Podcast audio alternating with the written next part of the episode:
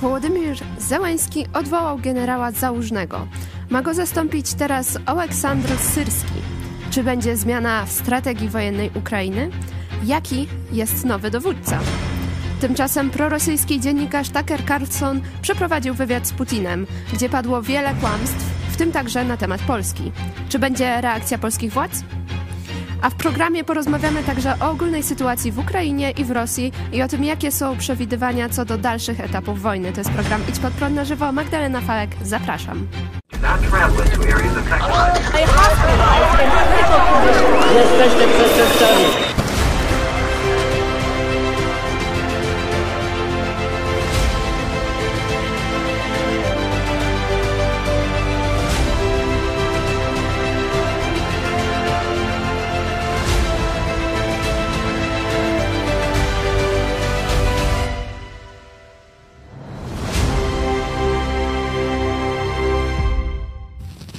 Witajcie, jest piątek, godzina 13. My rozpoczynamy program Idź pod prąd na żywo. E, dzisiaj moim gościem jest dr Tomasz Pawłuszko, ekspert geostrategii i obronności Uniwersytet Opolski. Witam bardzo serdecznie. Dzień dobry panie redaktor, dzień dobry państwu. A także w studiu redaktor Michał Fałek. Witam cię serdecznie. Witam ciebie, witam państwa, witam też pana doktora.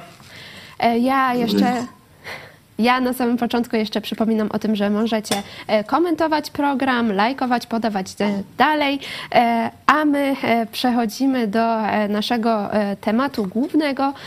Wołodymyr Zełęński odwołał generała Załużnego. I moje pierwsze pytanie, czy jest to wynik konfliktu, o którym już była wcześniej mowa, o którym krążyły pogłoski, konfliktu między właśnie Załużnym a Zełęńskim? Doktor Tomasz Pawłuszko.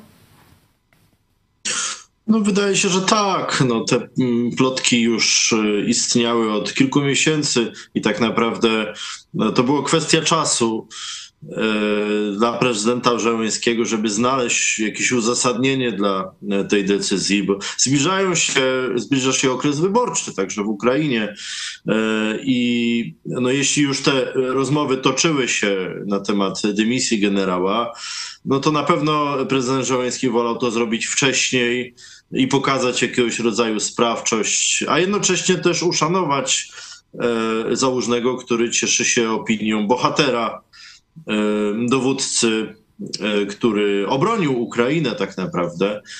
I trudno też było znaleźć dla takiej osoby zastępstwo, żeby to nie było uznane za zemstę jakąś polityczną, bo szczegółów nie znamy. Natomiast generał Syrski jest chyba najlepszym dowódcą jaki y, no, mógł być zaproponowany na to stanowisko. Tak mi się wydaje. E, rzeczywiście generał Załużny nawet był w jakichś badaniach e, popularności przed Załęskim, i to dużo przed Załęskim w ostatnim czasie i jeżeli, e, jeżeli właśnie tutaj mówimy o kontekście politycznym, kontekście wyborów, no to to może być jakiś taki ruch Załęskiego, żeby człowieka, który jest dużo bardziej popularny, no jednak troszeczkę w cień odsunąć, ale też może to być konsekwencja jednak tej nieudanej ofensywy z zeszłego roku, e, no, za którą jak wojskowo no, ponosi odpowiedzialność załóżny. Oczywiście Ukraina miała za mało sprzętu, w niewłaściwym czasie dostała pomoc, bo ta, ta ofensywa powinna po prostu być wcześniej, tak? Rosjanie mieli czas, żeby się okopać, umocnić i tak dalej, także tam wszystko było przeciwko nim, ale faktem jest, że, że ofensywa była nieudana. Pytanie, czy się zmieni, czy bardzo się zmieni, powiedzmy, styl, styl, styl dowodzenia, nie? No, bo no tutaj właśnie. Generał... Jak się zmieni teraz strategia e, wojenna Ukrainy, bo tutaj się mówi o tym, e, że Syrski jest uważany za bardziej ofensywnego niż e, Załużny. Na pewno jakaś zmiana będzie, no bo jednak to jest inny dowódca, choć Syrski ma i zalety, i wady, tak? Przynajmniej my widząc to z jakiejś perspektywy możemy ocenić, bo Syrski z jednej strony e, to on e, faktycznie, choć Załużny nadzorował całą armię, no ale to Syrski, e, Syrski no, był odpowiedzialny za kontrofensywę charkowską, czyli za odbicie to najbardziej spektakularne do tej pory terenów od Rosjan. Również obrona, e, obrona Kijowa to też, jest, e, to też jest teren, gdzie Syrski działał. Natomiast front południowy, gdzie, no, gdzie Rosjanie i doszli daleko i nie da się ich wyprzeć póki co, no to nie jest teren, gdzie, gdzie działał Syrski do tej pory. Natomiast Syrski ma też taką opinię mm, wojskowego, czy generała, czy dowódcy, który mniej się liczy z własnymi stratami, czyli mniej się liczy z życiem żołnierzy i jest gotów dla osiągnięcia jakichś niewielkich celów taktycznych poświęcić, poświęcić, no, przelać krew, można powiedzieć, też ukraińską. To Syrski był odpowiedzialny za obronę Bachmutu, gdzie e, owszem, to była maszynka do mielenia mięsa i tam bardzo dużo Rosjanie stracili sił, praktycznie cały Wagner został tam zniszczony, ale, e, ale Ukraińcy też stracili dużo, dużo sił i mówi się, że wyszli na przykład za późno z, z Bachmutu. Tak? Teraz podobna sytuacja być może będzie z Awdijiwką. Także może być zmiana, może taka zmiana jest konieczna rzeczywiście, żeby, żeby byli bardziej odważni, więcej postawili na szali, tylko czy mają na to siły i możliwości? Panie doktorze, a e, jak pan e, przewiduje, jak się będzie teraz e, kształtować strategia Ukrainy? No ja się zgadzam z tą wypowiedzią. Zdecydowanie Syrski jest takim, przynajmniej w oczach opinii publicznej, jest takim jastrzębiem i można rzeczywiście mm, podejrzewać, że Ukraina będzie próbowała chociaż na niewielką skalę zwiększyć działania ofensywne, także po to, żeby wpłynąć, ale tu nie tylko na opinię publiczną w Ukrainie, ale też na przykład w Stanach Zjednoczonych, gdzie część kongresmenów handluje pomocą dla Ukrainy w zamian za jakieś koncesje E, od demokratów. E, tak więc e, wydaje mi się, że w tej chwili nowy dowódca będzie dokonywał przeglądu wojsk i też tego, tych żołnierzy, których udało się zmobilizować, po to, żeby na wiosnę za około kwartał przeprowadzić jakieś zaskakujące Rosjan działania. Na pewno oznacza to też, że Ukraińcy nie szykują się na żadne rozmowy pokojowe, ale są zdecydowani, ażeby nadać nowy impuls operacjom e, wojskowym, zwłaszcza w Ukrainie wschodniej i, i, południowej, czyli tam, gdzie do tej pory nie udało się przełamać rosyjskich okopów. E, no i zobaczymy, jak to tak naprawdę będzie wyglądać, bo nie wiemy na jakim etapie jest pozyskiwanie rekruta w Ukrainie. E, te siły ukraińskie są szczuplejsze. Sprzęt z zachodu nadchodzi, ale jest użytkowany oszczędnie. Tak więc za kilka miesięcy możemy mieć coś w rodzaju nowego otwarcia na froncie. Wiemy, że również Rosjanie przygotowują dodatkowe siły. Mówi się o kilkudziesięciu tysiącach żołnierzy, którzy mogliby na przykład na kierunku charkowskim powrócić e, do działań e, wojennych. Tak więc sytuacja jest bardzo ciekawa.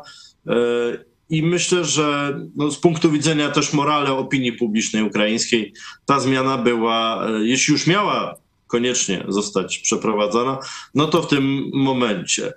E, jeśli jednak e, tutaj pojawił się też ten głos, jeśli, bo tego nie wiemy do końca, czy e, głównym motywem działania prezydenta Żołańskiego była osobista ambicja i, i popularność generała, no to by źle świadczyło wtedy o przywódcy ukraińskim. Tak? Bo on zmonopolizował tą narrację sukcesu obrony Ukrainy, tej obrony mm, współpracy z Zachodem. On był twarzą przez wiele, wiele miesięcy. No i e, też jako polityk trochę się zużył, więc media zaczęły patrzeć na e, również inne postacie, a generał był taką postacią bardzo wyrazistą, który odniósł też sukcesy, prawda? Udało się Ukrainę obronić, to jest, to jest główny sukces. To, że część terytoriów jest okupowana, no, to jest, to jest fakt, natomiast e, około połowy zajętych przez Rosjan ziem została odbita przy użyciu stosunkowo niewielkich mimo wszystko sił i to jeszcze zanim większość pomocy zachodniej nadeszła. Tak więc w tej chwili mamy takie przegrupowanie po obu stronach. Mam nadzieję, że E, Ukraińcy wyjdą na tym lepiej niż Rosjanie. A czy Załużny teraz pójdzie do polityki? Bo pojawiają się już takie komentarze, że e, właśnie jako taka wyrazista postać, to on powinien pójść do polityki i w sumie tutaj mógłby jeszcze bardziej e, chyba zagrozić Załęskiemu, jeżeli to właśnie ten konflikt osobisty był przyczyną odwołania. Możliwe. No, to by się wtedy składało w logiczną całość i wtedy e, prezydent Żeleński by sobie zaszkodził takim ruchem politycznie, na pewno. Natomiast nie wiemy, co tam było e, tak naprawdę w tle. Czy tam były jakieś machlojki finansowe, czy tam były jakieś łapówki, czy tam były jakieś doniesienia e, zachodnich służb, że coś tam w tej ukraińskiej armii jest nie tak, czy może po prostu popularność, a może wszystkiego po trochu. Więc tak naprawdę te rzeczy na pewno są tajne i szybko się o nich nie dowiemy. E, a może jest też taki scenariusz, że prezydent Żołański jest zmęczony i szuka następcy. Tak więc to, to, też nie można tego wykluczyć, że ktoś komuś coś powiedział. Ja nie zamierzam spekulować. Wydaje mi się, że e, no, generał otrzymał nową propozycję tak, bycia w pobliżu prezydenta Żołańskiego e, i, i być może będzie mm, też i politycznie bardziej odpowiadał za wojnę niż wojskowo. E, natomiast to trudno w tej chwili wyrokować. No nie mam e, kryształowej kuli. Na pewno taki człowiek jest bardzo cenny, na pewno będą na niego zamachy, na pewno będzie teraz potrzebował specjalnej ochrony. E, no bo to jest osoba, która wie bardzo dużo o ukraińskich siłach zbrojnych, o ich rozmieszczeniu, ich taktyce, o ich planach wojskowych i tak dalej. Tak więc wiem, że nie ma osób niezastąpionych, ale jest bardzo mało takich osób jak właśnie generał Załużny w tej chwili na kontynencie europejskim, którzy tak dobrze znają Rosjan i e, taktykę, jaką Rosjanie walczą, co zrobić, żeby ich powstrzymać i tak dalej. Tak więc pozbywanie się mm, mm, takiego dowódcy z perspektywy prezydenta Żeleńskiego e, no byłoby błędem, długofalowym błędem. E, no ale nie chcę wyrokować, co konkretnie zdecydowało o tym, że Żeleński podjął taką decyzję. Ja bym jeszcze dodał, że rzeczywiście tutaj y, Załęski, jakby powiedzieć, Załużnemu daje w tym momencie wolną rękę, czy otwiera możliwości te polityczne. To, to jest jedna rzecz. Natomiast tutaj może być też taki aspekt tej mm, współpracy czy oceny sojuszniczej, bo Amerykanie do tej pory, przynajmniej jak, jak były te pierwsze pogłoski, czy pierwsze informacje, że tam jest konflikt i że, że Załużny już ma się pakować, bo już taka informacja była około tam dwóch tygodni temu, to Amerykanie stali tak mocno na stanowisku, że oni w ogóle nie ingerują, że to jest sprawa ukraińska. Ale teraz na przykład wychodzą takie informacje, że był konflikt pomiędzy dowódcami amerykańskimi a, za, a, a Załużnym, jeśli chodzi o koncepcję właśnie tej kontrofensywy i jeśli chodzi o ten front południowy, front zaporowski, że Amerykanie proponowali E, żeby Ukraińcy zrobili jeden skoncentrowany, silny atak tam, gdzie oni radzili, no a Ukraińcy w kilku miejscach próbowali tych ataków, no i to się nie powiodło, tak? I może być też tak, że, mm, że jednak tutaj no, sojusznicy zachodni trochę stracili cierpliwość i może zaufanie do Załużnego i no, radzili Załęskiemu postawić właśnie na takiego jastrzębia, który, no, który będzie bardziej odważny i, no, i będzie może lepiej współpracował mm, w tym planowaniu E, kontrofensywy, czy no, generalnie wojny, bo jednak tutaj Amerykanie w szczególności mają wpływ na to, też dostarczając gro sprzętu, choć teraz jest na razie stop i to jest tam powiedzmy inny temat, ale mają czy mieli wpływ do tej pory na, na, no, na planowanie i na pomoc taką, taką też można powiedzieć, e, no, e, jeśli chodzi o wywiad, o, o cele, no przecież tam amerykańskie samoloty latają nad Morzem Czarnym de facto e, i dają, można powiedzieć, spojrzenie Ukraińcom na to, co się dzieje e, po, po, po Rosji rosyjskiej stronie frontu, także niewykluczone, że oni też tutaj jednak swoje palce, palce maczali, choć, choć oficjalnie mogą mówić, że tak nie było. Chciałabym teraz e, poruszyć wątek e, amerykański. Tutaj już e, pan doktor wspominał o Senacie w Stanach Zjednoczonych. Pierwsza, pierwsza ustawa nie przeszła w Senacie dotycząca właśnie pomocy Ukrainie. Dopiero druga przeszła, ale tylko na razie do procedowania jest. Czy sądzicie, że to przejdzie tam później dalej, że to rzeczywiście ta pomoc zostanie e, przegłosowana i będzie dostarczona Ukrainie, czy to znowu będzie zablokowane, tak jak ten poprzedni pakiet e, pomocowy? Pan doktor Tomasz Pawłuszko, prosimy. No, wydaje mi się, że tutaj Trump zrobił bardzo złą robotę, bo widząc, że jest to porozumienie między demokratami a republikanami, on je trochę storpedował, mówiąc, że to jest pomyłka, że to jest tragedia, nie, nie można się na to zgodzić, koniec Ameryki i tak dalej. Bo to porozumienie generalnie zakładało to, że y, demokraci ustąpią w sprawie tego płotu na granicy z Meksykiem i tak dalej, który jest w trakcie budowy, a republikanie ustąpią w sprawie pomocy dla Europy Wschodniej, dla Ukrainy, dla Izraela e, i tak dalej. Tak więc wydawało się, że ten e, kompromis został osiągnięty, a to jest bardzo niebezpieczne dla Trumpa, bo to byłby sukces Bidena i Trump nie miałby czego krytykować, e, więc póki jeszcze jest e, piłka w grze, e, Trump zaczął ten projekt sabotować po to, żeby robić na nim, tak mi się wydaje, kampanię wyborczą e, i uderzać w Bidena właśnie za brak decyzyjności, za nieskuteczność. Tak więc z jego perspektywy to jest bardzo skuteczne narzędzie mobilizowania wyborców. Bo też pamiętajmy, wielu kongresmenów mogło mieć już obiecane całkiem wysokie stanowiska w potencjalnej administracji Trumpa.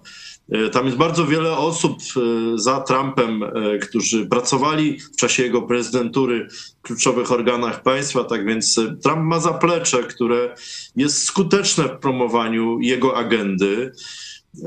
No i dlatego obawiam się niestety, że ten proces przekazywania broni Ukraińcom troszeczkę spowolni. Nadal są jeszcze realizowane poprzednie umowy, ale latem Ukraińcy będą potrzebowali do ewentualnej kontrofensywy lub odparcia ofensywy rosyjskiej większej ilości sprzętu po to, ażeby nie stracić terytorium, bo to jest to, na co właśnie Putin liczy, że mm, Amerykanie będą skłóceni, Europejczycy będą przestraszeni i w końcu dojdzie mm, do głosu taka frakcja polityków appeasementu. Ja o tym nawet ostatnio pisałem, że, że no, Amerykanie mogą sobie z tego nie zdawać sprawy, ale w Europie Wschodniej appeasement bardzo źle się kojarzy, bo Neville Chamberlain też stwierdził, że wesprze Hitlera po to, żeby zabezpieczyć Europę Środkową przed najazdem Stalina. Wiemy, jak to się skończyło że Hitler zaczął po prostu atakować kolejne kraje, a Wielka Brytania była bezradna. W końcu sama została zaatakowana i zbombardowana.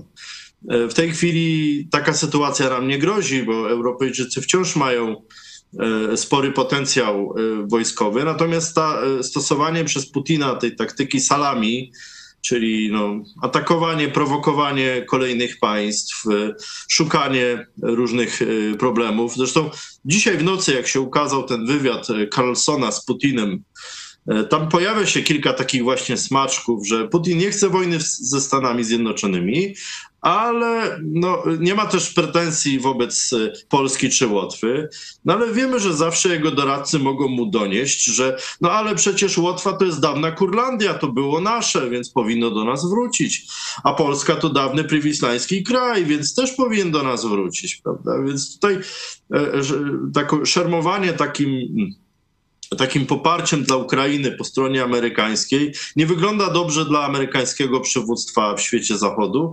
No ale ja rozumiem e, fakt, że po prostu również w Ameryce gra partyjna, wewnętrzna e, zyskuje potem odzwierciedlenie w polityce zagranicznej. Do tej pory nie byliśmy do tego przyzwyczajeni. To było typowe dla małych krajów typu Węgry. No ale okazuje się, że e, także w mocarstwach e, muszą e, prezydenci i przywódcy zwracać uwagę w sprawach zagranicznych, także na względy wewnętrzne, zwłaszcza, że republikanom udało się spakietować tą kwestię właśnie migracji z kwestią pomocy militarnej dla sojuszników. To jest bardzo ciekawa rozgrywka. Na razie ona idzie niestety po myśli Putina. Natomiast zakładam, że Amerykanie też nie będą chcieli e, utrudniać e, NATO czy Bidenowi e, kompromitowania Ameryki, które może stać się efektem takiej polityki, bo mamy zaraz szczyt NATO w Waszyngtonie za kilka miesięcy.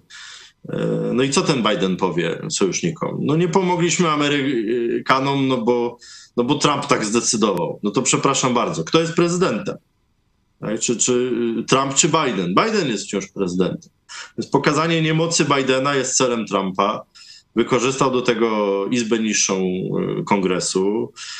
Mam nadzieję, że sytuacja będzie odblokowana i że w tej chwili y, Niemcy co ciekawe, jako drugi donator pomocy dla Ukrainy, wezmą się też w garść i być może razem z Francją i Polską w ramach Trójkąta Weimarskiego Europa coś zaproponuje. Razem z Wielką Brytanią mamy dużo więcej ludności niż Rosja, 250 milionów ludzi.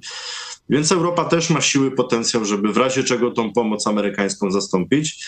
Tylko pytanie, jak zareaguje na to europejski podatnik, a to już jest zupełnie, zupełnie inna kwestia.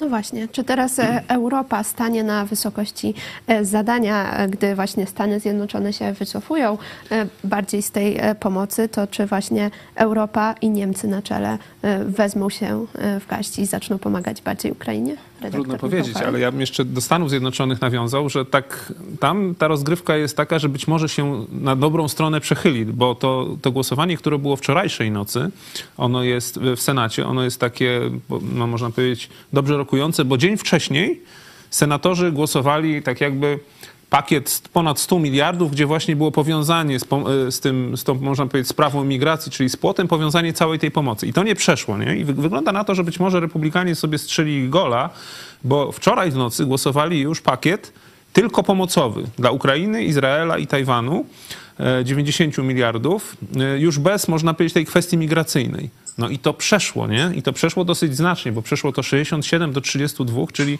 praktycznie 18, bo jeden demokrata był przeciwko, ale 18 e, senatorów republikańskich zagłosowało za tym, żeby to weszło pod obrady, nie? I teraz Rzeczywiście ta izba niższa, gdzie speaker izby niższej, czyli ten marszałek, powiedzmy, ichniejszy Sejmu, Mike Johnson, który, e, o którym też były informacje, że, że tam nazwiska rosyjskich oligarchów pojawiały się przy finansowaniu jego kampanii wyborczej, także jest to człowiek, który siedzi w kieszeni u Rosjan, no i oczywiście jest to człowiek, który jest na telefonie u Trumpa, tak? Czyli co Trump powie, to on robi.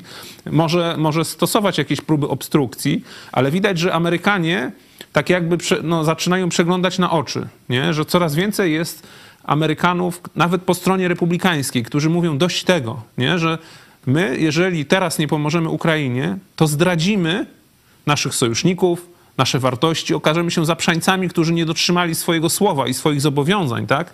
Kto, właśnie to co, to, co pan doktor mówił, kto w przyszłości zaufa Ameryce, jeśli teraz damy ciała, kolokwialnie mówiąc. Także... E, no ja jestem, ja jestem rzeczywiście coraz bardziej optymistyczny, że optymistycznie nastawiony, że rzeczywiście się ogarną i że ta pomoc popłynie. Choć już to, co zrobili, to jest, można powiedzieć, wielkim skandalem, bo przecież oni zatrzymali kolejne transze pomocy w październiku. To w październiku republikanie właśnie wpadli na ten pomysł, żeby, e, żeby powiązać tę pomoc, postawić warunki demokratom. Demokraci przecież te warunki zrealizowali, to wtedy Trump powiedział, to się wycofujemy, nie? Także też, e, można powiedzieć, szkodzi swojemu wizerunkowi. No i gra w taką grę, e, zagrał Wabank. Ja osobiście myślę, że może to przegrać, nie? Że nawet Yy, przecież nawet wśród naszych widzów zdarzają się osoby, mieliśmy takie, takie informacje, zawsze głosowałem na republikanów. Zawsze, ale to, co teraz widzę, jeżeli mam zagłosować na Trumpa, który jest przyjacielem Putina, który, można powiedzieć, odda Europę, który wyjdzie z NATO, przynajmniej to głosi, to nie, to zagłosuję na demokratów. Tak? Także może być tak, że nawet jeżeli Trump zostanie dopuszczony do wyborów, bo jeszcze może nie być dopuszczony. Teraz ma decydować Sąd Najwyższy stanu Teksas, czy w ogóle mo, może on być na listach umieszczony, no bo przecież są zarzuty prokuratorskie wobec niego.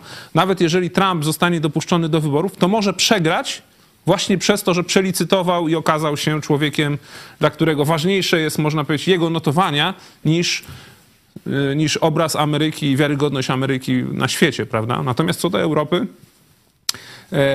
tutaj ciekawa informacja była, e, to, to bym chciał tak jakby rzucić taki temat i powiązać, była e, w Wielkiej Brytanii w takim poczytnym piśmie The Spectator był wywiad ostatnio, czy analiza amerykańskiego analityka, ale w brytyjskim medium na temat taki, że no, czy, warto, czy nie warto rozważyć, żeby Polsce przekazać broń jądrową brytyjską lub francuską, żeby Polska już była wyposażona w broń jądrową jako, można powiedzieć, e, no, system odstraszania Rosji. E, no widać, że jeżeli zaczynają się takie, e, takie wrzutki czy takie tematy pojawiać w mediach opiniotwórczych brytyjskich, europejskich, no to to znaczy, że, że Europa też zaczyna widzieć powagę sytuacji, widzieć, że może, mo, może, może trzeba będzie się przygotować na y, Europę z Trumpem po drugiej stronie, nie? czyli tak jakby Europa zaczyna na poważnie brać zwycięstwo Trumpa i co wtedy? I co wtedy, nie? że być może zostaniemy sami, no i to trzeba się szybko ogarnąć, nie?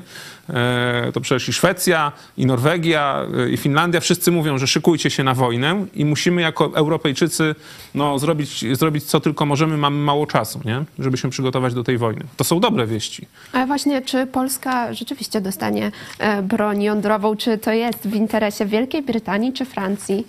Pan doktor Tomasz Pawłuszko.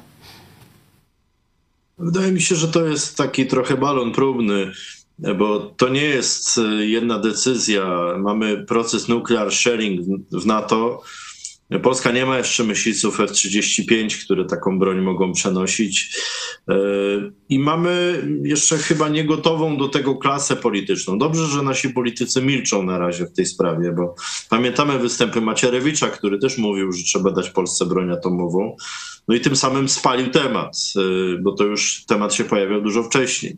Natomiast e, wydaje mi się, że e, dyskusja o uwspólnotowieniu broni atomowej francuskiej czy, czy brytyjskiej toczy się na razie na szczeblu tajnym.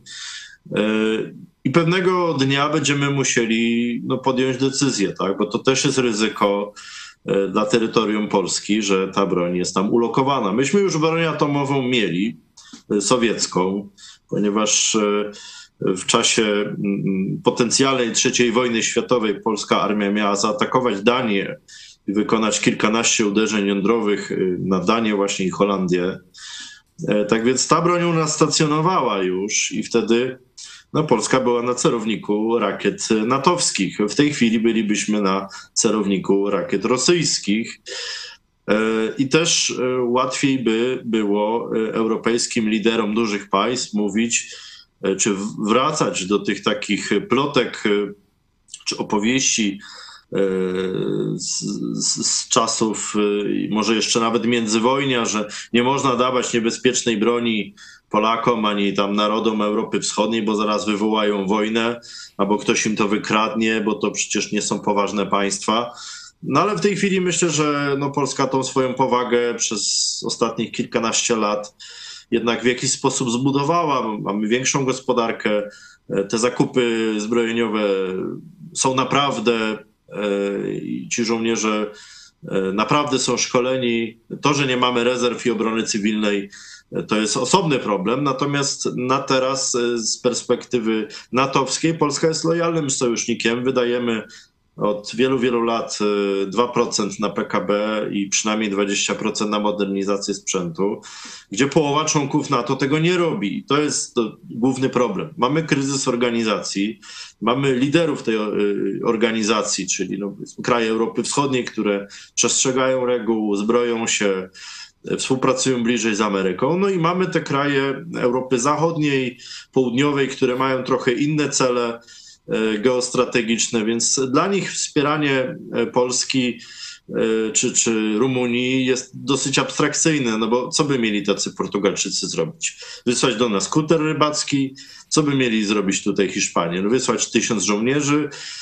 To nie zmienia w żaden sposób równowagi sił, więc kilka lat temu pojawiła się w obrębie NATO taka koncepcja, żeby no, byli tak zwani lokalni, regionalni liderzy i Polska mogłaby być tutaj takim liderem tak zwanej wschodniej flanki. I to się dzieje, mamy nadzieję też, że nasi decydenci są tego świadomi.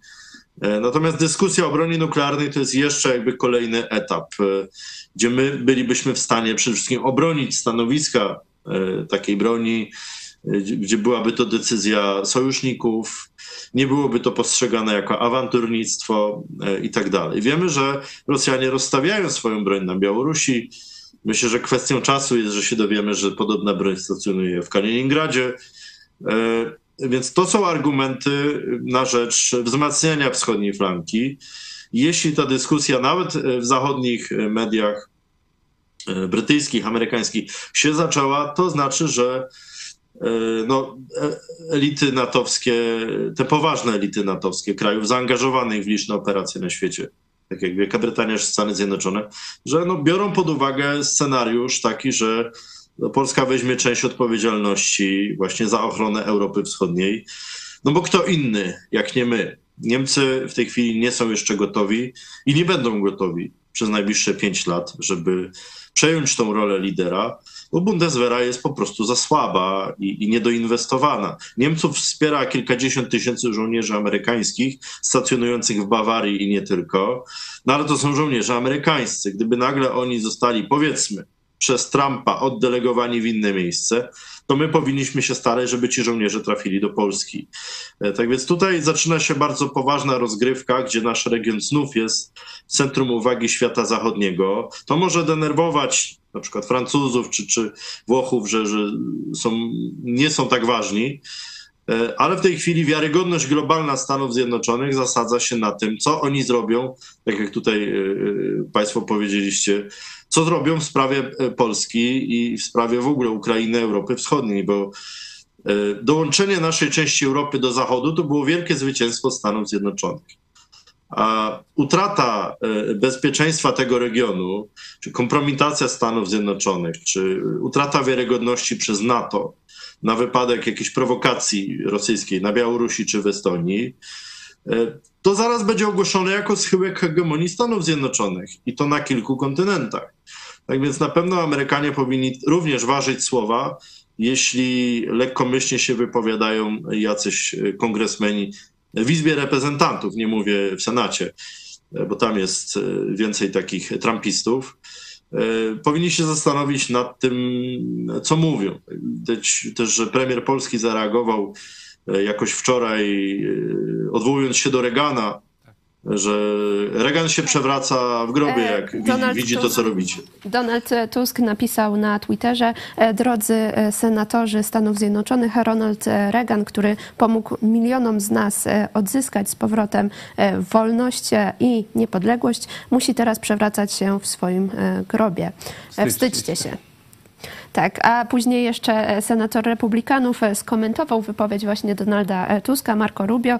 Stwierdził, że jest za wsparciem Ukrainy, ale najpierw musimy pomóc Ameryce. Moje przesłanie dla Polski brzmi: jeśli stałaby się ofiarą inwazji 8 milionów nielegalnych imigrantów, zrozumielibyśmy, że woli zająć się tym, zanim zajmie się Ukrainą.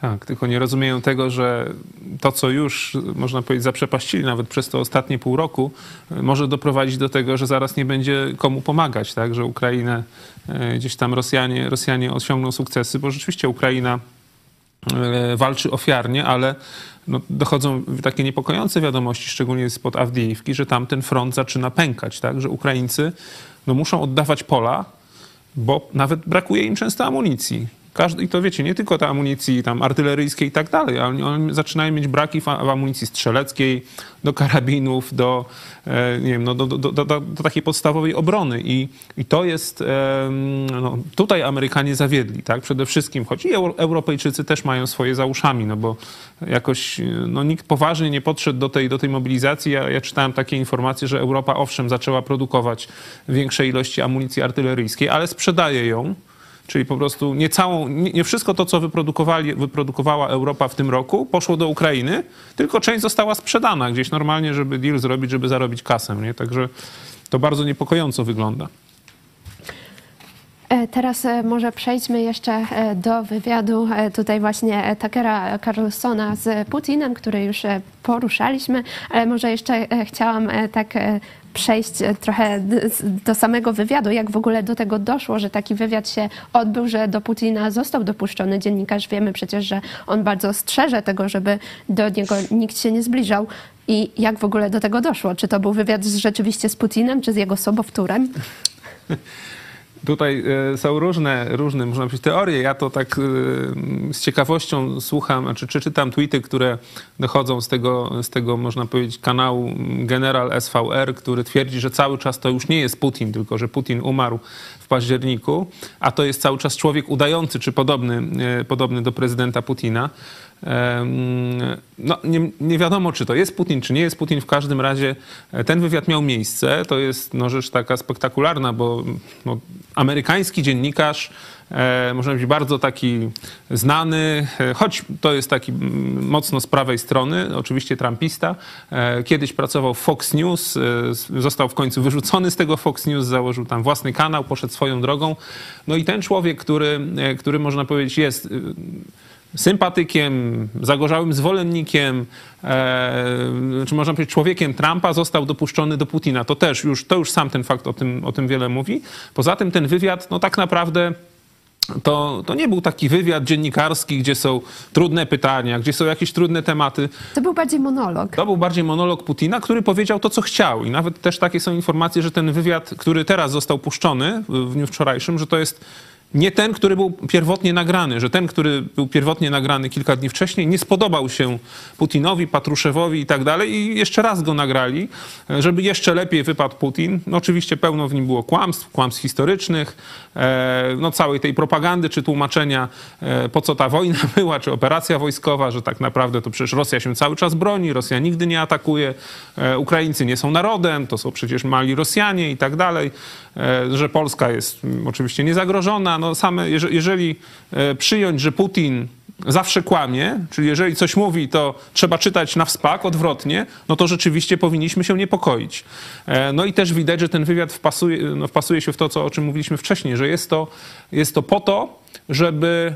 Jest to, jest to wywiad dla Amerykanów i to dla tych Amerykanów z prawej strony, żeby ich urobić, że Putin nie jest groźny i że Trump jest takim człowiekiem, który się z tym niegroźnym Putinem dogada i będzie dobrze, nie? I będzie sukces, będzie pokój na świecie, nie? Bardzo niebezpieczna rzecz. E, tutaj też e, właśnie odnosząc się do tych e, kłamstw, tutaj padło kłamstwa na temat Polski. Putin sugerował na przykład, że to Polska odcięła Niemcy od gazu, zamykając gazociąg Jamał Europa. Mówił też o tym, że to Polacy wymyślili nazwę Ukraina, określając tym, tym swoje pograniczne ziemie. Tam było bardzo wiele takich różnych kłamstw. Czy będzie teraz jakaś reakcja polskich władz na te kłamstwa, czy w ogóle jest potrzebna taka reakcja, czy powinniśmy coś z tym zrobić, czy raczej na przykład to tylko przemilczeć? Pan doktor Tomasz Pawłuszko. Wydaje mi się, że można oczywiście zareagować, ale e, no, prostując różne wypowiedzi. Natomiast e, jak obserwuję zachodnie media, to one jakby przyjęły taką perspektywę, żeby to przemilczeć. To znaczy, Dużo było na temat Carlsona, na, jego, na temat jego wyjazdu do e, Moskwy, ale tak naprawdę nie było e, wiele o samym wywiadzie. On się ukazał dzisiaj w nocy. Więc może jeszcze będą różne komentarze na ten temat. Mnie się wydaje, że to jest autentyczny Putin. E, Putin na początku tego wywiadu zamęczył Carlsona różnymi sprawami historycznymi, właśnie których Carlson jako Amerykanin po prostu się nie zna. Nie był w stanie nawet e, skontrować tych takich historycznych, pseudohistorycznych monologów i to było właśnie adresowane tak jak tutaj powiedzieliście, e, do Amerykanów, do, do prawicowych Amerykanów, do, w ogóle do konserwatystów. Jak tego słuchałem, to miałem wrażenie, że to jest nagrane w 2021 roku, w grudniu, albo jeszcze nawet wcześniej, że on ciągle powtarza te swoje e, e, wizje, co będzie utrudniać negocjacje pokojowe, bo no, oczywiście te wypowiedzi są nie do zaakceptowania. One były jakby sprzedane w taki sposób, żeby brzmiały pojednawczo. E, ale też wiemy, że e, wielu innych dziennikarzy próbowało dostać się do Putina, co mówił e, też Pieskow, że nie dopuszczano ich po prostu. Dopuszczono dziennikarza trumpistę pod warunkiem, że będzie mógł zrobić wywiad na takich warunk w takich warunkach, jakie Putinowi będą odpowiadać i że będzie zadawał takie pytania, bo nie wiemy, czy, czy tam coś nie jest wycięte, prawda? E, że te wszystkie rzeczy, o których mówi Putin, e, będą zaakceptowane przez służby prasowe rosyjskie. Tak więc e, stał się Carlson taką podstawką na mikrofon dla, dla Putina. Nie powiem, że ten wywiad był na kolanach, ale no widać było, że on przedstawia tutaj tezy Putina, e, że nie kontruje, nie zadaje trudnych pytań, że pozwala Putinowi głosić te, te, takie małe orędzia propagandowe i promować w ten sposób rosyjską narrację. I to jest na czołówkach rosyjskich mediów. To będzie teraz promowane wszędzie e, na całym świecie. Carlson po prostu chciał zrobić interes, spopularyzować swój kanał, zagrać na nosie swoim byłym pracodawcom z Fox News. No i oczywiście zagrać na nosie wszystkim pozostałym, którzy do Putina e, nie, nie zostali dopuszczeni. Natomiast może to być e, taki trochę miecz obosieczny, że z jednej strony odniósł sukces, chciał się zapisać w historii jako odważny ten dziennikarz, który się nie boi i tak dalej, a z drugiej strony e, no, Kreml wytarł sobie nim gębę i, i, i tak naprawdę wszystko będzie no wszystko zostało po staremu. Nie dowiedzieliśmy się niczego nowego tak naprawdę. Ja bym jeszcze jedno słowo powiedział tak a propos dziennikarstwa. Nie? No my nie jesteśmy takimi profesjonalnymi dziennikarzami z dyplomami, ale staramy się rzeczywiście no, dla naszych widzów tutaj coś robić, takie dziennikarstwo, powiedzmy, jakie umiemy, ale ja sobie nie wyobrażam, żebym właśnie miał prowadzić rozmowę jeszcze w takim duchu przyjaznym z człowiekiem, który ma tyle krwi na rękach, nie? ze zbrodniarzem, E, już nie tylko przestępcą typu Wąsik czy Kamiński, choć mi się też nie podoba, że, że, że dziennikarze dają im łamy nie? teraz po, po, po tej sytuacji, która miała miejsce, ale już z Putinem to w ogóle, nie? to po prostu e, nie tylko wstyd ręki podać nie? takiemu człowiekowi, czy hańba, ale promować go i tak dalej, no to, to, to, to myślę, że, że, że, że, nazwisko Carlsona powinno być rzeczywiście no, w jakichś tam czarnych ramkach nie? w historii dziennikarstwa, czy w jakichś podręcznikach dziennikarstwa w przyszłości pokazywane. E, Putin e, w tym e, wywiadzie powiedział też między innymi, że Rosja nigdy nie przegra wojny w Ukrainie. I co sądzicie o tej wypowiedzi? Czy to jest blef, czy to jest tak jak mówiłeś, że trzeba odczytywać to odwrotnie, czyli że Putin jak kłamie, to trzeba wszystko odwrotnie odczytywać, czy to jest właśnie stwierdzenie faktów, bo wiemy, że tutaj Rosja bierze sterlinki od Maska, teraz podwyższyła wiek e, do mobilizacji, mhm. czyli zapowiada się jakaś e, większa mobilizacja, czy rzeczywiście e, Rosja nie przegra tej wojny, a tutaj właśnie z drugiej strony Ukrainie brakuje amunicji. Także co sądzicie o tej wypowiedzi? Pan doktor Tomasz Pawłuszko. Wydaje mi się, że Putin gra na czas, licząc na korzystny wynik wyborów w Stanach Zjednoczonych, na osłabienie rządów we Francji i w Niemczech, gdzie populiści mają już w obu przypadkach ponad 20% poparcia. E, to jest e, dla Putina znak, żeby przeczekać jeszcze rok, dwa, bo Putin ma czas. On oczywiście również ma wybory, ale wszyscy jego kontrkandydaci albo zostali wsadzeni do więzienia, albo e, nie wyrażono zgody na ich rejestrację, ich komitetów wyborczych. Tak więc Putin jest w tej chwili jedynowładcą i ma czas. On się nie musi przejmować wyborami, mm, e, ani tym, że społeczeństwo powie mu nie, albo że zakwestionuje jakieś jego decyzje. I rzeczywiście Rosja ma zasoby ludzkie i, i produkcję przemysłową już przestawioną na tryb wojskowy, mogą pracować na trzy zmiany, podczas gdy u nas no, w zasadzie cały czas jest to jeszcze sprawa komercyjna. No, Stany Zjednoczone sprzedały w ciągu ostatniego roku e, praktycznie e, sprzętu wojskowego na ponad 80 miliardów dolarów i jeszcze drugie i trzecie tyle w ramach procedur prywatnych poza FMS. Więc dla Stanów Zjednoczonych, dla firm produkujących broń to jest świetny biznes. E, ale tak naprawdę giną, no nie, niewin, giną niewinni ludzie i Ukraina płaci krwią za e, decyzje polityków zachodnich i oczywiście za decyzję Putina, więc nie, nie wolno o tym zapominać. Ja mam wrażenie, że też wielu dziennikarzy jest znudzonych e, e, tą tematyką, więc wybierają takie lekkie, przyjemne tematy, które są w miarę klikalne, bo cierpienie jest klikalne, ale tylko do pewnego momentu. I, i, i też szuka się popularności w inny sposób. Mnie się wydaje, że Rosja jest w stanie odbudować swoją armię w ciągu pięciu lat, tak jak e, była mowa w raporcie DGAP. Musimy założyć, że mamy jeszcze mniej czasu, czyli 3-4 lata tak naprawdę.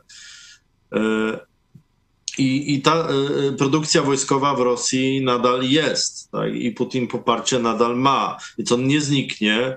Musimy założyć, że będzie rządził do końca dekady i że wszystkie scenariusze, włącznie z rozszerzeniem się, rozlaniem się wojny na inne kraje, są możliwe. E, no, jeśli nie będziemy tego zakładać, to znaczy, że nie jesteśmy dość poważni. Także akurat zapowiedzi na przykład naszego MONU bym potraktował te, te wczorajsze e, dosyć jednak poważnie. E, jeśli chodzi o samą Ukrainę, utrata na przykład Awdijewki to będzie taki no, duży symbol, tak jak wycofanie się z Bachmutu, ale może to być konieczne, tylko że wtedy kolejna linia obrony jest dopiero 20 e, kilometrów na zachód, więc Ukraińcy stracą sporo terenu. No i tutaj wracając do tych e, wątków z początku naszej rozmowy, no generał Syrski zdecyduje, czy będzie trzymał tą Awdijewkę każdym kosztem, czy też zdecyduje się na e, bardziej konflikt manewrowy po to, żeby rozciągnąć Rosjan, póki oni są jeszcze unieruchomieni w tych okopach, żeby w jakiś sposób ich obejść, zaskoczyć, e, czyli zrobić coś zaskakującego, nie dawać Putinowi tego scenariusza pokojowego na wyciągnięcie ręki. Co, co, co, co, z wojną, tak? Czy jest w ogóle szansa, że tutaj Putin rzeczywiście się pomyli? No, sytuacja jest taka, że tak jak, e, tak jak mówił pan doktor, Rosja przedstawiła gospodarkę na tryb wojenny i Rosja ma możliwość tak długo jeszcze ciągnąć. Ale z drugiej strony Rosja też ma takie y, coraz większe problemy gospodarcze, no wewnętrzne w innych, w innych, można powiedzieć, działach gospodarki. Tam są, tam są kryzysy z zaopatrzeniem podstawowe produkty, tak? Ostatnio był kryzys jajeczny ogromny, nie? Że wiecie, nie mieli, nie ma jajek, nie można kupić, tak? Także, także zaczynają mieć e, no, takie problemy, które gdzieś tam uderzają w zwykłych Rosjan. No, ale faktem jest, że Rosjanie są, mm, są przyzwyczajeni do tego, że można, e, nie wiem, no, żywić się jakimiś tam, nie wiem, ko korzonkami czy ziemniakami i tak dalej i przetrwać tylko po to, żeby okazała się chwała y, mocarstwa rosyjskiego i tak dalej, że żeśmy tam zwyciężyli, tak? Także y, ja obawiam się jednego, nie? Że, żeby, żeby nie było takiej sytuacji, że Zachód w pewnym momencie powie, dobra, godzimy się na, e, na, na jakieś tam rozmowy pokojowe, czyli damy wam zachować status quo, bo przecież o to chodzi Putinowi, a fakty będą takie, że tak naprawdę brakowało, żeby Rosję zagłodzić gospodarczo, tam dwóch tygodni, czy miesiąca, czy dwóch, nie? Czyli, że ta próba sił, e, że gdzieś tam właśnie Zachód się zmęczy, czy społeczeństwa Zachodu i przegramy tę próbę sił o jakiś tam mały włos, nie? Co będzie wielką tragedią dla świata i tutaj też dla, dla, dla naszego regionu. E, natomiast jeśli chodzi o, o, o te kwestie jeszcze takie wojskowe, nie? no to tutaj Ukraina w tym momencie, mimo iż ten front powiedzmy koło Awdyjski trzeszczy, to ostatnio osiąga też takie sukcesy dosyć spektakularne, e, jeśli chodzi o ataki dronami na terytorium Rosji, że e, zaczynają regularnie płonąć mm, rosyjskie rafinerie, zakłady przerobu właśnie ropy naftowej i tak dalej, czyli Ukraina uderza, można powiedzieć, we własny sposób wprowadza sankcje w te, w te sektory, gdzie Zachód nie bardzo daje rady, nie? No przecież Zachód tam wprowadzał, wiecie, ten poziom ceny na ropę, nie? I tak dalej i Rosja sobie tam mm, omijała to, e, budując flotę cieni, dalej sprzedając tę ropę, no z mniejszymi, można powiedzieć, zyskami, ale jednak sprzedając ropę, ropę na zewnątrz. E, a w tym momencie Ukraina uderza przecież uderzyła tam w, w, w, okręgu leningradzkim, czy tam około, koło Petersburga, e, w zakład Łukoilu, który, który właśnie w tym momencie e, przez kilka miesięcy być może nie będzie pracował. Tej nocy były kolejne dwa uderzenia na, na dwie rafinerie, z czego jedna akurat e, produkowała e, paliwo lotnicze, czyli w tym momencie no, będzie, będzie trudniej Rosjanom zapewniać, można być, paliwo do ataków na Ukrainę, czyli Ukraina stara się prowadzić taką wojnę asymetryczną, czyli uderzać tam, gdzie Rosjanie się nie spodziewają i gdzie mają możliwości niedawno zatopili kolejną fregatę na Morzu Czarnym, także no też starają się gdzieś tam znajdować słabe punkty Rosjan. I mimo iż tutaj front trzeszczy i być może będą musieli rzeczywiście ustąpić pola, no to starają się e, prowadzić właśnie taką wojnę asymetryczną i uderzać Rosja, Rosja, Rosjan tam, gdzie będzie bardzo Rosjan boleć, być może w jakiejś tam perspektywie no, zyskają na tym to, że Rosjanie będą mieli mniej sił do prowadzenia wojny na przykład na frontach. Tak? Także no, robią co mogą i są to mądre działania. Mądre działania, bo starają się prowadzić taką rozumną wojnę, nie mając tych zasobów, które, które, których Zachód nie daje. Czyli e, uważasz, że Rosja nie wygra tej wojny? Mam nadzieję, że nie wygra, że nie wygra, albo, albo że rzeczywiście e, no ona zakończy się jakimś impasem, czy jakimś e, porozumieniem, no ale nie będzie to. Znaczy, Rosja strategicznie już tę wojnę przegrała, bo to, co pan doktor mówił.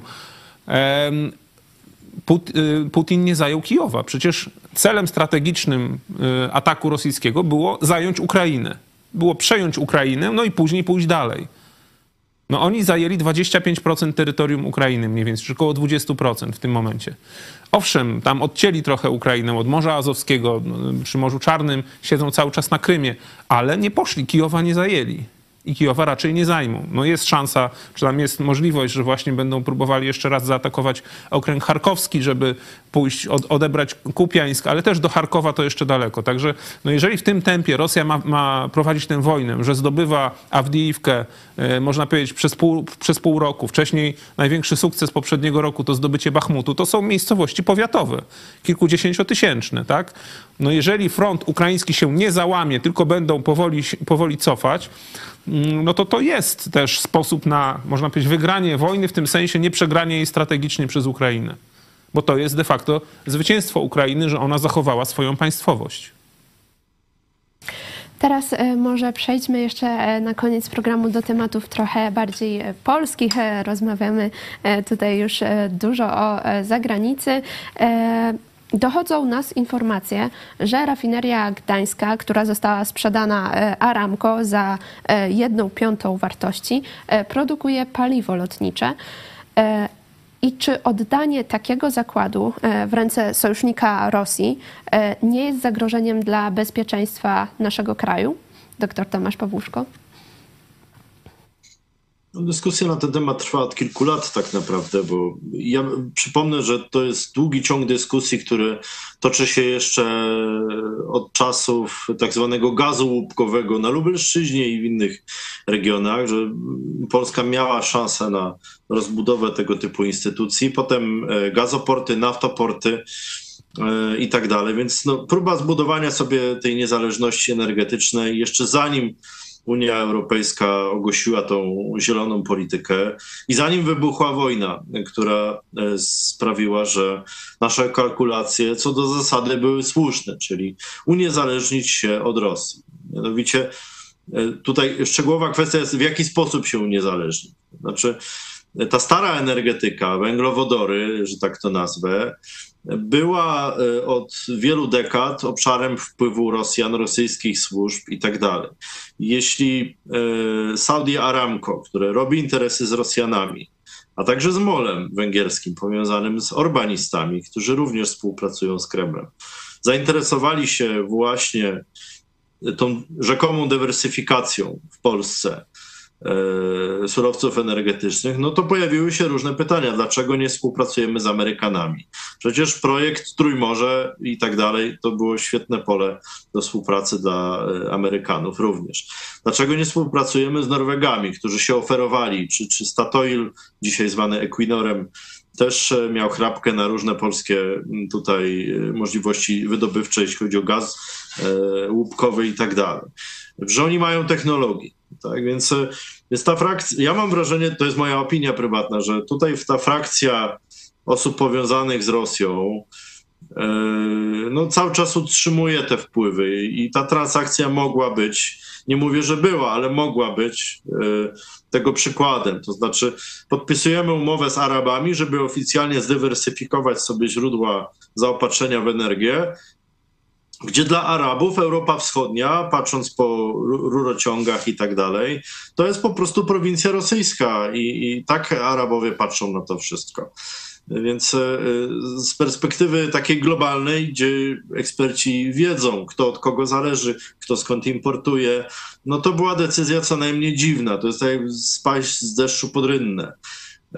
Natomiast propagandowo dla prezesa Obajtka wyglądało to bardzo dobrze, bo mógł pokazać, że przejęliśmy trochę stacji na Węgrzech, wcześniej przejęliśmy trochę stacji benzynowych na, w dawnej NRD i tak dalej, więc jesteśmy obecni w pięciu krajach, budujemy koncern multienergetyczny. No jakby ta propaganda lała się strumieniami e, przez e, wszystkie media.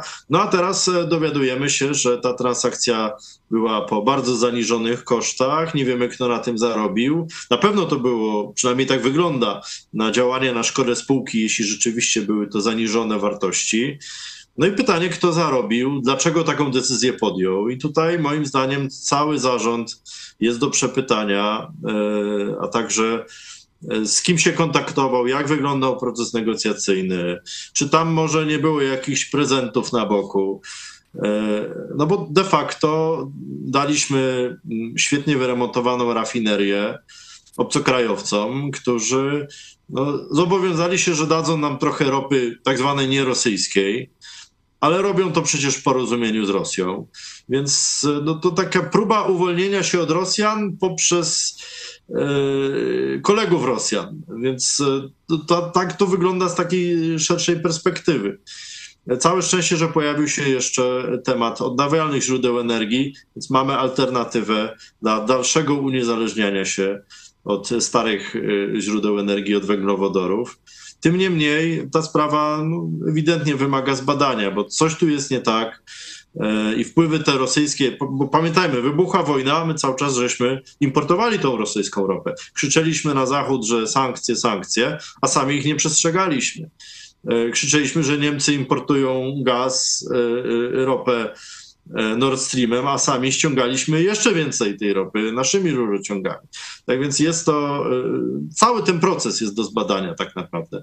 Być może, e, tak zażartuję sobie, ta komisja do spraw badania wpływów rosyjskich niesławna powinna właśnie się tym właśnie zająć. Tak? I to w pierwszej kolejności, bo tu wchodzą ogromne pieniądze podatników w grę. No i też takie interesy geopolityczne. Tak? Być może by nam to pozwoliło również ujawnić różne źródła wpływu rosyjskie w Europie Wschodniej. No, w tym czasie na pewno byłoby to bardzo potrzebne. Ja mam takie pytanie, panie doktorze, no bo tak wygląda rzeczywiście na to, że tutaj no, jest podejrzenie zdrady stanu, nie tylko działania na szkody, na szkody spółki, ale zdrady stanu, nie tylko, no tutaj nie pana Obajtka, tylko rzeczywiście czynników politycznych z Prawa i Sprawiedliwości. Jak się tak spojrzy z perspektywy na, na właśnie cały ten ciąg takich prorosyjskich e, decyzji i zdarzeń, czy w ogóle taka, mm, ta transakcja jest do odwrócenia? Nawet powiedzmy, nie wiem, robiąc wielką aferę międzynarodową, płacąc jakieś tam koszty, kary umowne, ale czy to jest do odkręcenia? No, myślę, że to propagandowo czy wizerunkowo dla nowego rządu byłoby wielkim sukcesem, jeżeli by coś takiego zrobili. No, myślę, że najpierw trzeba by przeprowadzić cały proces audytu, dowiedzieć się, kto za co odpowiada. Czy rzeczywiście te transakcje były lewe? No, rafineria na pewno jest do odzyskania, no ale ile sobie zażyczą obecnie właściciele tej rafinerii? To nie wiemy, bo być może zażyczą sobie cenę rynkową a może coś innego będziemy w stanie im obiecać e, i tak dalej. Także no, w tej chwili wracamy do takiej, można powiedzieć, takiej biznesowej normalności. Nie ma tych y, y, interesów gdzieś pod dywanem, tylko staramy się ustalić stan faktyczny. Myślę, że to nowemu rządowi trochę zajmie e, i nie będzie to jakieś paliwo polityczne, wbrew pozorom. Może za pół roku, za rok, kiedy już ta kampania wyborcza się skończy, może będziemy mieli jakieś e, jasne decyzje w tej sprawie. Ja mam wrażenie, że tutaj sporo jeszcze nie wiemy. E, czy to jest zdrada? No nie przesądzam, bo to przecież musiały być działania spółki konsultowane z kimś, z ekspertami, z ekspertyzami, z kancelariami prawnymi, z politykami. Jeśli tak, to z którymi? E, mówi się, że e, decyzje podejmowano e, w porozumieniu z kierownictwem partii PiS.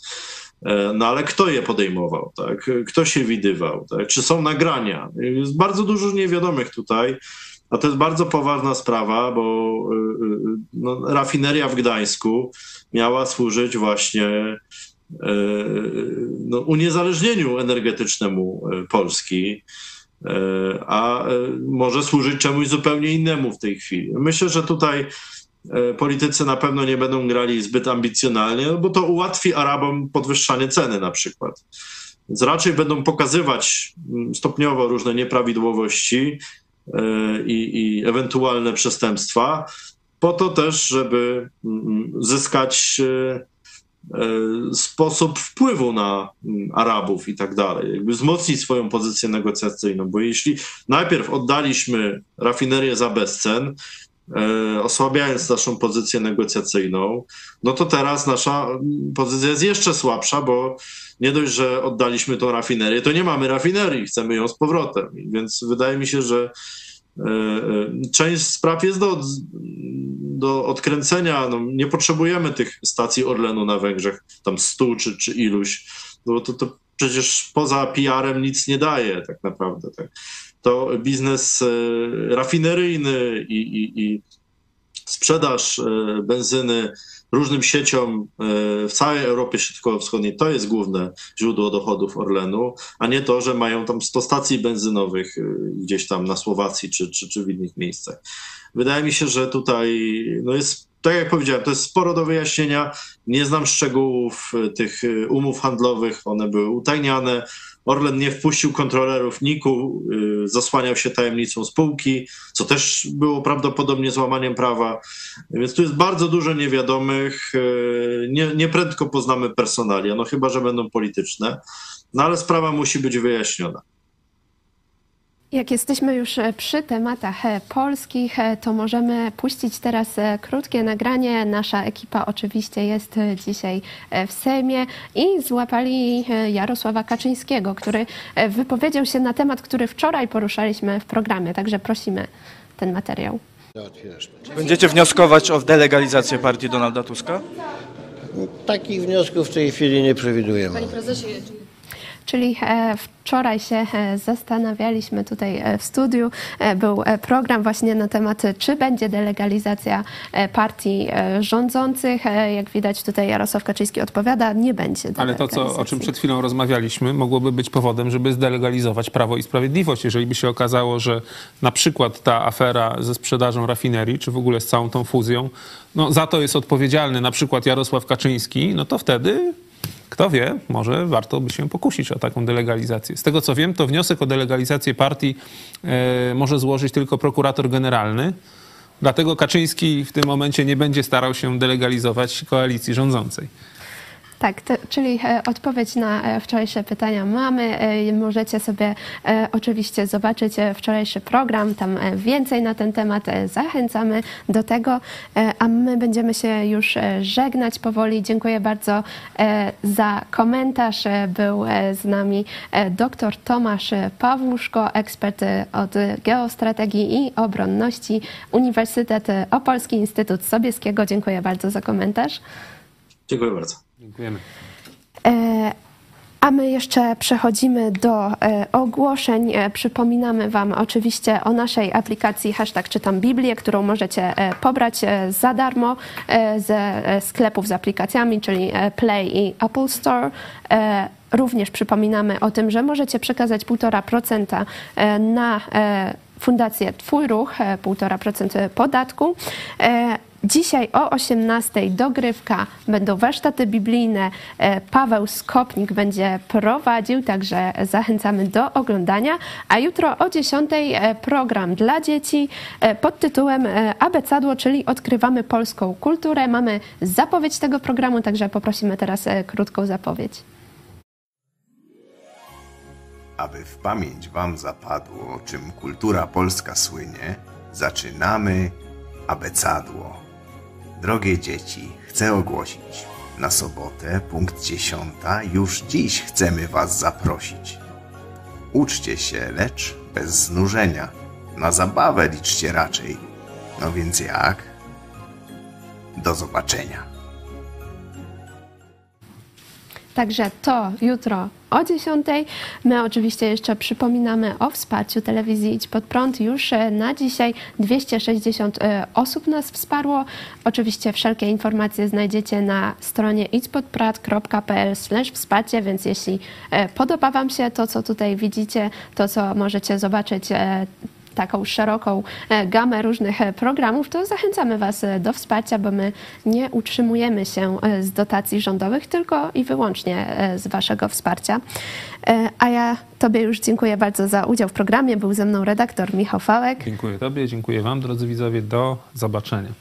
Do zobaczenia.